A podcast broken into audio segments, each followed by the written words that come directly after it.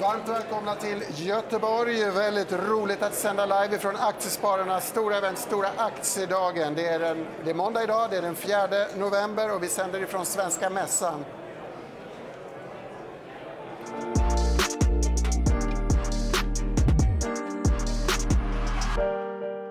Alltså, Ja, det är vignett tror jag. mycket att prata om idag alltså med andra ord och det ska vi göra med Johan Eklund och CG Gyllenram. Varmt välkomna. Tack så mycket. Vi har ju idag eh, fått en hel del nyheter, bland annat har Traton rapporterat och sen så blir Saudi Aramcos notering eventuellt av, eller den blir av Johan. Ja, precis. Den är väldigt spännande. Vi har skrivit om den. Det är ju det här Stranded Assets-debatten då och eh, nu ska den ut. Väldigt eh, stor. Det blir jätteintressant. Säger det något om riskaptiten? Är det liksom en glädjebesked för börsen? Det säger väl att fönstret är öppet i alla fall. Ja, fönstret är öppet.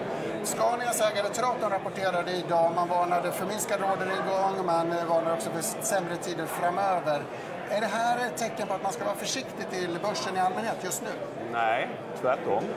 Tvärtom. Ja, för du ser om, om du pratar i riskvilja. Så att eh, om du ser idag vad som händer på marknaden. Vi har haft en minirekyl på två, tre dagar. Och Volvo, Sandvik, Alfa, ABB, verkstadsbolagen och Cyklist går oerhört starkt och är dagens klara vinnare. Så det är någonting man kan säga, jag ser en sällan skådad riskvilja på den svenska börsen just nu.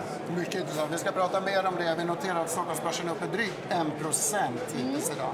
Och om vi sätter igång dagens program där vi ska som sagt prata lite riskvilja, vi ska prata några case. Du har med dig två säljcase och ett köpcase idag Johan. Det har jag. Om vi börjar med köpcaset. Ja. Du tycker man ska köpa Stockman vilket gör mig ganska förvånad. Ja, jag tycker man ska köpa indirekt eh, Lindex då, via Stockman. Eh, Och det är en sån här eh, fallande kniv som vi gillar på Affärsvärlden. Eh, De har ju haft problem med skulder i fem plus år. Man blir köpsugen direkt när man Ja, man det. blir oerhört köpsugen för då kommer det ner långt under price to book och då kan man börja räkna baklänges då på eh, vad kostar Lindex via Stockman. Och det är ju bara relevant egentligen när eh, det finns ett intresse att sälja, vilket eventuellt finns nu då i eh, i Stockman. Och vad ser vi här på grafen ja, då? I grafen vi slänger upp eh, så ser vi ju då att eh, vi kan backa ut Lindex. Stockman har ju varuhus, det är deras gamla kärna. Och de går jättedåligt lönsamhetsmässigt. Men poängen är att de äger varuhusen och de äger en jättefin eh, fastighet i centrala Helsingfors.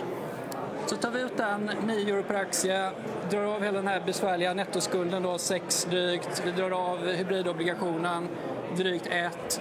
Eh, vi drar av lite centralt för att det här kommer ta tid att reda upp, knappt än. Och sen sätter vi nollvärde på det här med varuhusdriften som betalar hyra då till fastigheterna då. Eh, då kan vi börja fundera kring vad Lindex är värt.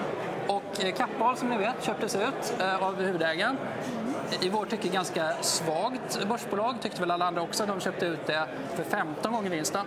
Om vi tar Lindex då som går mycket bättre än Kappahl så räknar vi med att man kan kanske få 14 gånger eh, ebit.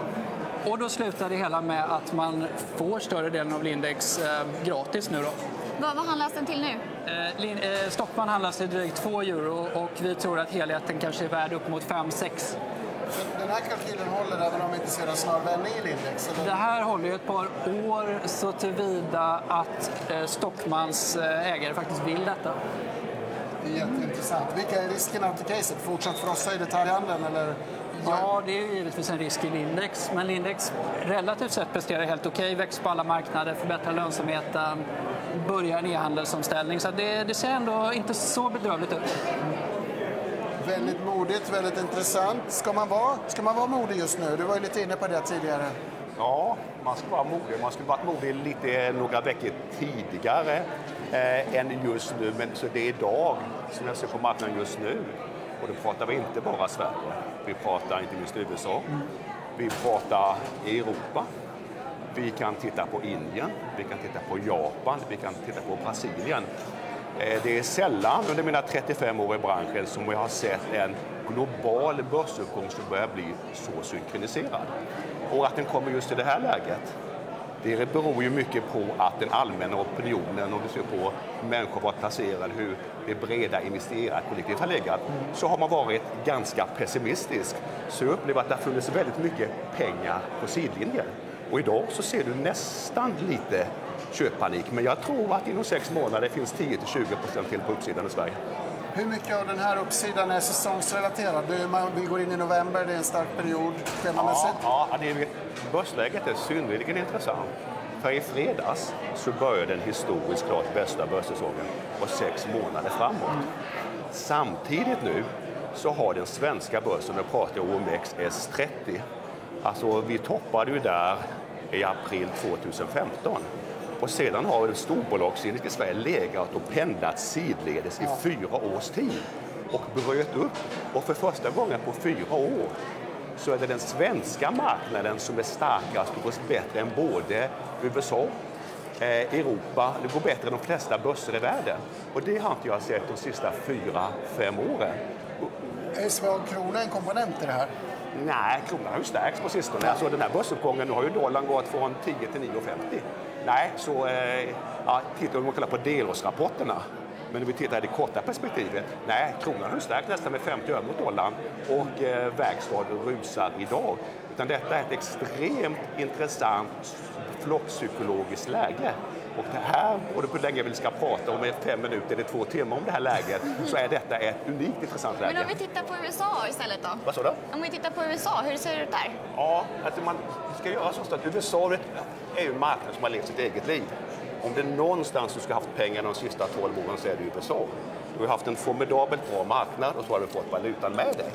Så att USA har, har inte riktigt samma perspektiv. Jag vet inte, har vi någon av graferna uppe här? Ja, jag har S&P 500 uppe just nu. Ja, men vi kan se här nu. Det här egentligen, nu ska vi egentligen ha en 15-årsgraf här på, eh, på S&P. Men, det vi ser här, här har vi också på S&P så har vi ett kortare tradingintervall och så har den tvekat här vid toppen. Men i fredags så såg vi ju då att USA bröt upp då och gick upp till nya högsta. Men det allra mest intressanta är ju ett riktigt brett Europaindex. Jag vet inte om det visas eh, här. Alldeles strax. Jag vill, jag vill pausa dig här. Ja. Johan, delar du den här optimismen, den här breda börsoptimismen som CAG förkunnar? Nej, det gör jag, jag ju inte, men jag förhåller mig ju till den precis som alla andra lite mer gnälliga fundamentala personer. man får ändå förstå flockpsykologi, nollräntan. Jag tycker även valutan i de svenska verkstad, eh, skog och så vidare. Eh, man får ändå acceptera att det inte är rimligt. Johan har ju varit här förut och varit ganska motvalls. Du som är teknisk analytiker, psykologiskt intresserad av börsen, är det viktigt att kunna vara motvalls generellt? Ja, det här var en väldigt viktig komponent. Eh, jag stack ut och kanske hakan för ett par veckor sedan och, och trodde på en, stark börshöst. Och hade jag upplevt att människor generellt, eller investerare generellt har varit positiva, då hade jag aldrig vågat vara positiv. För då ligger ju pengarna i marknaden. Men jag märkte både på att den allmänna, alltså privatspararna och även bland flera tunga institutioner hade en tydlig negativ inställning på börsen. Då var det en väldigt viktig faktor för att jag skulle våga vara positiv till börsen. För då vet jag ju att det just kan komma sådana här lägen att idag ser vi ju tydligt institutionellt avtryck på börsen. Man måste in i marknaden. Och då går det väldigt snabbt? Då går det väldigt snabbt för att volymen alltså, som var nu i samband med uppgången, det är ju de bästa på flera års tid. Ja. Så att vi, vi märker att det är många som har legat fel och som nu börjar komma in. Och då, det vi ser, har sett de senaste två veckorna, det är ett härligt klassiskt flockbeteende om man ligger rätt positionerad i marknaden. Vad säger du, ska vi bläddra vidare till Europa, Matilda? Ja, hur har Europa, börserna på Europa stått ja. sig? Det, Europa är väldigt intressant. Sen är det en väldigt disparat marknad. Grekland, Portugal har sin historia. Tyskland har sin. Eh, det jag visar här då, jag har tagit fram ett index över 600 bolag. Och det kanske inte många vet att den här marknaden toppade sommaren 2007. Och det är först nu, kanske idag, jag, har inte, jag hann inte kolla exakt på morgonen, men det är nästan först nu efter 12 och ett halvt år som denna marknad indikerat en samfällt upp till nya högsta. Tysk... Är det på grund av någon sydeuropeisk tyngd, är italienska ja, banker? Nej, nej, liksom... nej, ledaren i detta är... Tyskland har, har, har, gått, har gått i förväg. Frankrike har gått, men en av de marknader som har varit allra starkast sista tiden, det är Italien. Grekland, Portugal, Storbritannien lever lite sitt eget liv. Men alltså de, de tre, Italien, Frankrike, eh, Tyskland och eh, är ju de som har varit, även, även Belgien, även, även Holland. Men generellt sett, så att det så här, eh, så Tyskland har redan brutit upp tidigare men att nu hela Europa samfällt, just medan vi pratar här, är på väg att gå upp till den högsta nivån på 12 år. Och det är en köpsignal menar du? det är en utomordentligt stark köpsignal. Och det är så jag bygger mina case. Sverige går aldrig sin egen väg. Man måste ha, vi är ju en pytteliten marknad egentligen. Men, man att, men det intressanta är att Sverige för första gången på många år har lett den globala börsuppgången. Och det är unikt under mycket hög volym efter en fabulös rapportperiod som alla var skeptiska till. Mm. Och det är då du får detta, när det oväntade inträffar. Men om man inte är så här, nej det är, det är därför du är här och det uppskattar vi absolut. Men om man inte vill vara positiv då, då kan man eh, välja att gå kort några bolag och det är teknikförvärvare du tycker man ska korta, vilket också är lite märkligt. Det tycker ju vi, i alla fall inte äga kan vi säga. Gå kort eh, kanske är Jo, somliga proffs kanske vill gå kort, eh, kortsiktigt.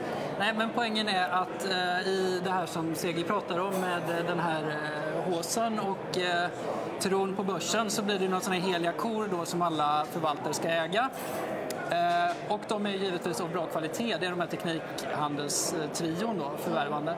Eh, och, och det är Indutrade, Adtech, Lagkrans? Ja, och de beter sig ganska synkroniserat både vad gäller eh, förstås affärsmodell, hur de köper bra, billiga små nischbolag och inte integrerar dem utan samlar dem i ett litet stall. Då. Köper jättebilligt. Eh, och problemet med det här då är att förvaltarna har tagit det lite till vägs ände. De vill ha den här eh, i backspegeln då är de kära i den här tvåsiffriga eh, vinsttillväxten då, som blir när man gör detta. Eh, och den är ju inte så organisk utan den är förvärvad, den är cykliska toppmarginaler, den är snart problem att styra de här grejerna för att Indutrade är över 200 bolag, Adtech över 100, Dagkrans över 50. Eh, Indutrade hoppar ut i Europa och börjar förvärva runt, eh, tror att de ska göra det lika bra. Kanske de ska, tror inte vi. Eh, och det vi ser i grafen då eh, kan man ju säga är att medianen för de här, alla tre värderas ungefär lika till över 20 gånger ebit.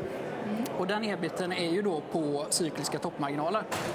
Eh, vilket kan bli ett problem då om vi backar tillbaka. Finanskrisen är inget bra, för det är ett extremt exempel, men poängen är att organiskt så kan det vika vilket vi börjar se i Lagerkrans men inte i Adtech då, som fortfarande gasar som bäst.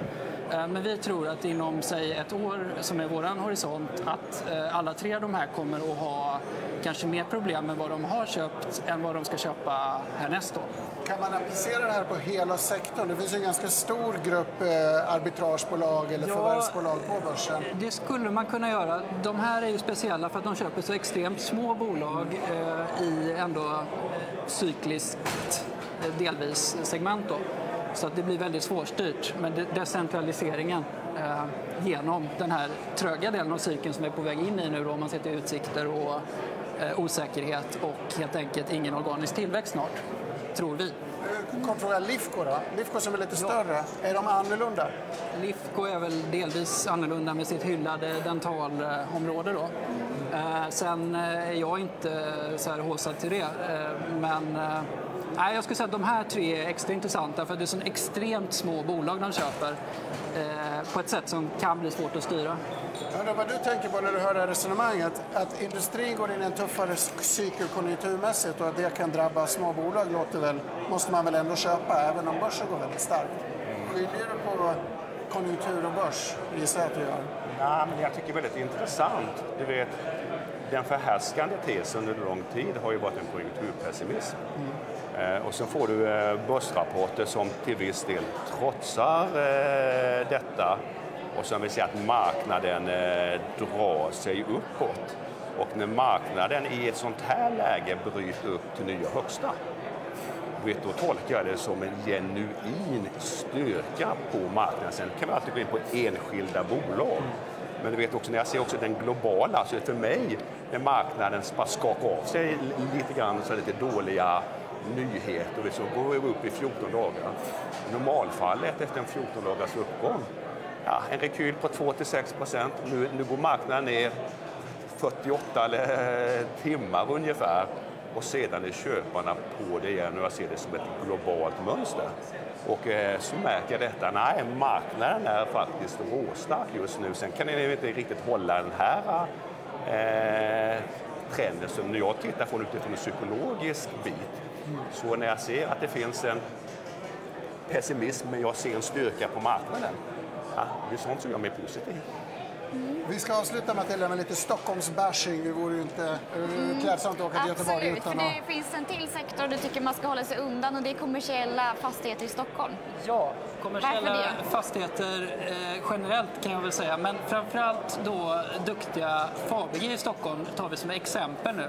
Vi har säljråd på massa sådana här bolag. Mm. Men de är ju då den stora projektvinnaren som alla vet.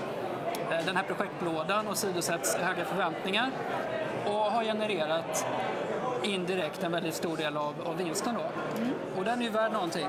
Men mycket av de här uppskrivningarna av fastighetsvärden är ju bara en funktion av nollränta och av de här eh, Stockholmshyrorna. Då. Och Stockholmshyrorna är intressanta också som en svaghet i det här. För de är cykliska på kontor. Folk har glömt det, men runt IT-bubblan då när det var konsultbyråer och såna här spray och sånt som satt runt, då delade de ju också upp hyrorna. Och vad är det vi ser i grafen här då? Ja, det är Fabeges eh, helt enkelt vinst för skatt. 80 eh, procent på senare år är eh, förstås då värdeuppskrivningar, orealiserade. Och en del av det är att de är jätteduktiga på projekt i Arenastaden. Men stor del av det är ju ränta och hyresuppgång. Och om vi tar bort de två faktorerna, de inte kan bli mycket bättre då, ränta och hyresuppgång, Eh, så är det ju basen då som är förvaltningsresultatet är ju en, en, eh, något man värderar till 30 gånger just nu ungefär. Eh, och det kan bli ett problem framåt då om värdena på fastigheter helt enkelt slutar stiga och faktiskt hyror kan falla, vilket folk inte tror. Nu är tesen då att Fabege har så fantastiska nivåer då i kontrakten som ska rullas in i hela stocken att alltihop ska upp och vi tror inte det. Vi tror att det här är jätteköpvärt en bra bit under 100 kronor och absolut inte här uppe på 140 då. Kort avslutning, köper du fastighetssektorn också? Nej. Nej.